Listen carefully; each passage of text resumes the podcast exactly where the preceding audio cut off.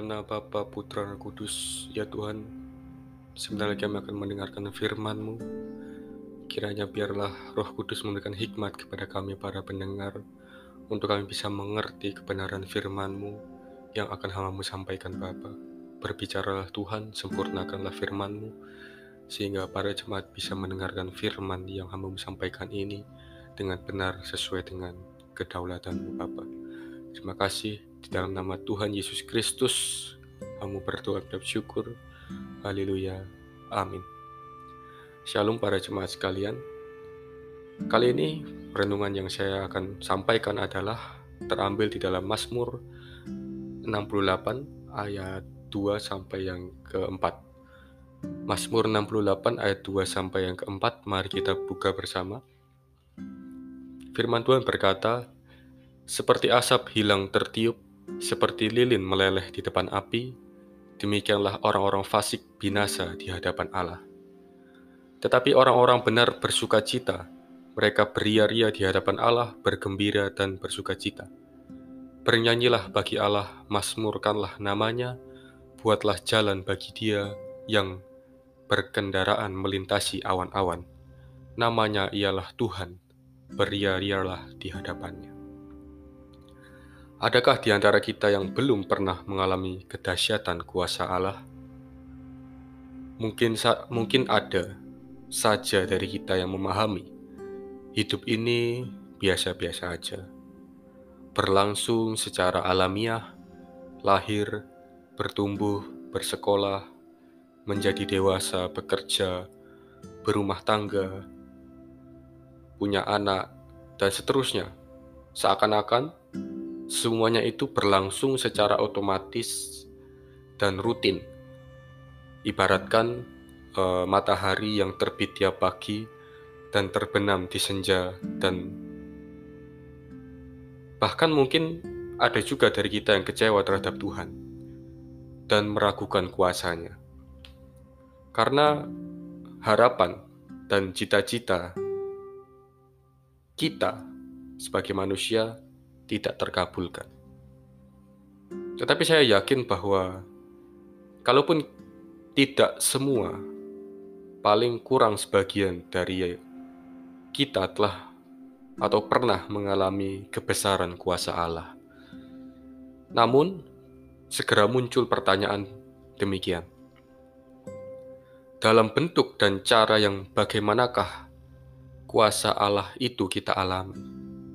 Dalam bentuk menyenangkan dan mendatangkan kenikmatan, atau justru menakutkan dan mengerikan?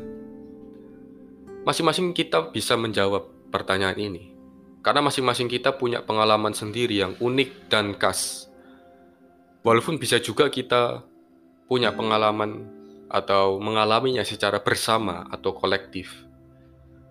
Ada yang mengalami kedahsyatan kuasa Allah ketika sembuh dari uh, penyakit berat yang menurut dokter sudah tidak bisa disembuhkan. Ada yang mengalaminya dalam bentuk keberhasilan dalam studi, pekerjaan, atau usaha. Tetapi mungkin ada juga yang mengalaminya dalam bentuk mengerikan. Gempa bumi, bencana alam, tsunami, uh, kehilangan anggota keluarga, atau orang-orang kita kasihi secara tiba-tiba ataupun sekaligus. Perbedaan pengalaman tentang kuasa Allah itu tidak hanya terjadi dan terlihat pada masa kini, melainkan sudah ada sejak zaman dulu. Itu jugalah yang terlihat dalam Mazmur 68 ini, jemaat sekalian. Bila kita membaca seluruh isi Mazmur 68 ini, diungkapkan di sana eh, pengalaman iman umat Israel selama berabad-abad. Sejak dari masa perbudakan di Mesir, di perjalanan menuju tanah perjanjian Kanaan sampai ketika mereka menetap di sana. Jadi melalui rangkaian pengalaman yang panjang itu mereka menyaksikan dengan mata iman bahwa Allah bertindak ibarat panglima perang yang dengan keras menghajar dan menghabisi dan membinasakan musuh-musuhnya. Tidak disebutkan di sini secara spesifik orang atau bangsa yang mana yang menjadi musuh Allah. Tetapi yang disebutkan di sini adalah sifat atau perilaku mereka, yaitu yang fasik tersebut. yaitu orang fasik berarti orang yang mengakui adanya Allah, tetapi tidak peduli atau bahkan selalu bertindak melawan perintah atau kehendak Allah tersebut. Orang seperti itu biasa ditemukan di kalangan bangsa dan penganut agama mana saja, termasuk di Indonesia ini. Bukan dalam bentuk tindakan yang keras saja kedahsyatan kuasa Allah itu dinyatakan di dalam Mazmur 68 ini, melainkan juga dalam bentuk kasih sayang dan kepedulian. Bapa bagi anak yatim dan pelindung bagi para janda. Itulah Allah di kediamannya yang kudus. Allah memberi tempat tinggal bagi orang-orang sebatang kara. Ia mengeluarkan orang-orang tahanan sehingga mereka bahagia. Hujan yang melimpah engkau siramkan ya Allah engkau memulihkan tanah milikmu yang kersang. Dalam kebaikanmu, engkau memenuhi kebutuhan orang yang tertindas, ya Allah. Semua itu dirangkum di dalam pujian pada ayat 20 dan ke-21. Terpujilah Tuhan, hari demi hari, Ia menanggung bagi kita.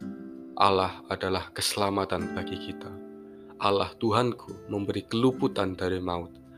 Pada ayat terakhir, dari Mazmur 68 ini ayat 36 bahkan disaksikan bahwa Allah yang dahsyat itu mengaruniakan kekuasaan dan kekuatan kepada umatnya.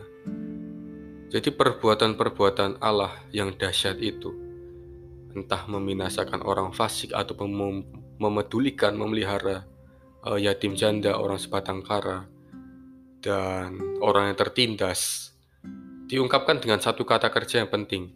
Apa itu? Bangkit. Allah bangkit. Ini senada dengan seruan Musa pada bilangan 10 ayat 35. Bangkitlah Tuhan. Ataupun seruan pemasmur dalam Mazmur 3 ayat 8 berkata, Bangkitlah Tuhan, tolonglah aku ya Allahku. Pada masa, pada masa Paskah seperti ini, yang paling sering kita dengar dan ucapkan adalah Kristus bangkit dari kematian. Setelah ia mengalahkan kuasa iblis, dosa, dan maut. Tetapi Alkitab juga berbicara tentang kebangkitan Allah Bapa, Tuhan pencipta dan pemelihara seluruh ciptaannya. Bukan bangkit dari kematian, melainkan bangkit untuk bertindak, entah untuk melenyapkan musuh-musuhnya ataupun untuk memberi pertolongan kepada orang-orang yang ia kasih. Pemahaman kita tentang makna kebangkitan Kristus juga demikian. Di satu sisi, kebangkitan Kristus memberikan jaminan bahwa kita yang beriman dan setia kepadanya juga akan bangkit dari kematian yang kita alami pada suatu ketika nantinya. Di sisi lain, kebangkitan Tuhan yang itu membangkitkan kita dari kegagalan dan kejatuhan kita, kekecewaan, kelemahan, dan kelesuan kita, jemaat sekalian, yang Tuhan Yesus kasihi. Jadi dalam kehidupan kita, sebagai bangsa Indonesia, kita juga memahami dan memakai kata bangkit atau kebangkitan untuk menggambarkan upaya kita menjadi lebih baik dari keadaan semula. Maka dari itu kita mengenal juga Hari Kebangkitan Nasional yang ditandai dengan pembentukan Budi Utomo tahun 20 Mei 1908. Itu mendorong kita sebagai bangsa untuk bangkit dari keterjajahan tersebut, keterbelakangan, ketertindasan, kemiskinan kita, dan sebagainya. Tetapi ungkapan bangkit di dalam Alkitab lebih dahsyat daripada kebangkitan nasional itu. Karena yang pertama-tama bangkit adalah Allah sendiri, lalu ia mengaruniakan kuasanya itu. Bila kita membaca kebangkitan Tuhan Yesus dan hal-hal yang dikerjakannya setelah ia bangkit, kita antara lain melihat bahwa Tuhan Yesus mengaruniakan roh kudus. Di dalam Yohanes 20 ayat 19 sampai 23 berkata misalnya, Salam uh, dituturkan bahwa Tuhan yang bangkit itu setelah menyampaikan salam damai sejahtera bagi kamu. Shalom Aleichem. Mengutus murid-muridnya dan mengaruniakan roh kudus. Dan ia berkata, terimalah roh kudus itu. Di dalam kisah para rasul 1 ayat 8 dituturkan, menjelang kenaikannya ke sorga, Tuhan Yesus berkata, kamu akan menerima kuasa kalau roh kudus itu turun ke atas kamu. Dan kamu akan menjadi saksiku. Kita tak perlu mempertentangkan atau mempersoalkan mana yang lebih benar di, antara kedua ayat ini. Yang penting bagi kita adalah Roh Kudus adalah kuasa dan kekuatan.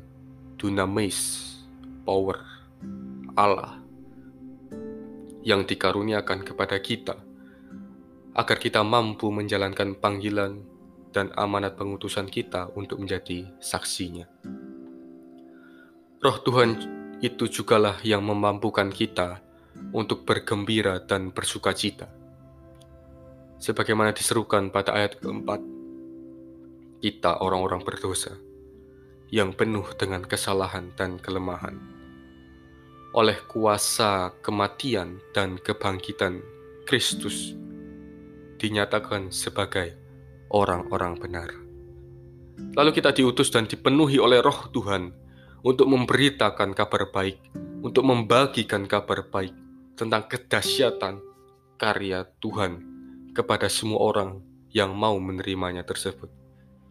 Pasti banyak penolakan yang kita alami, karena banyak orang tidak mau mengakui kebangkitan Kristus tersebut dengan berbagai macam dalih dan alasan mereka tersebut. Itu bisa membuat kita kecewa atau tidak berminat lagi untuk menjalankan uh, panggilan Tuhan sebagai saksi-saksinya. Tetapi kebesaran kuasa Allah yang juga nampak dalam kematian dan kebangkitan Kristus itulah kiranya yang terus-menerus menjadi atau memberi kita kegembiraan, kekuatan, ketabahan untuk melanjutkan panggilan kita dan untuk bangkit dari kegagalan dan kejatuhan kita serta dari kekecewaan, kelemahan, dan kelesuan kita. Tuhan Yesus memberkati jemaat sekalian. Amin.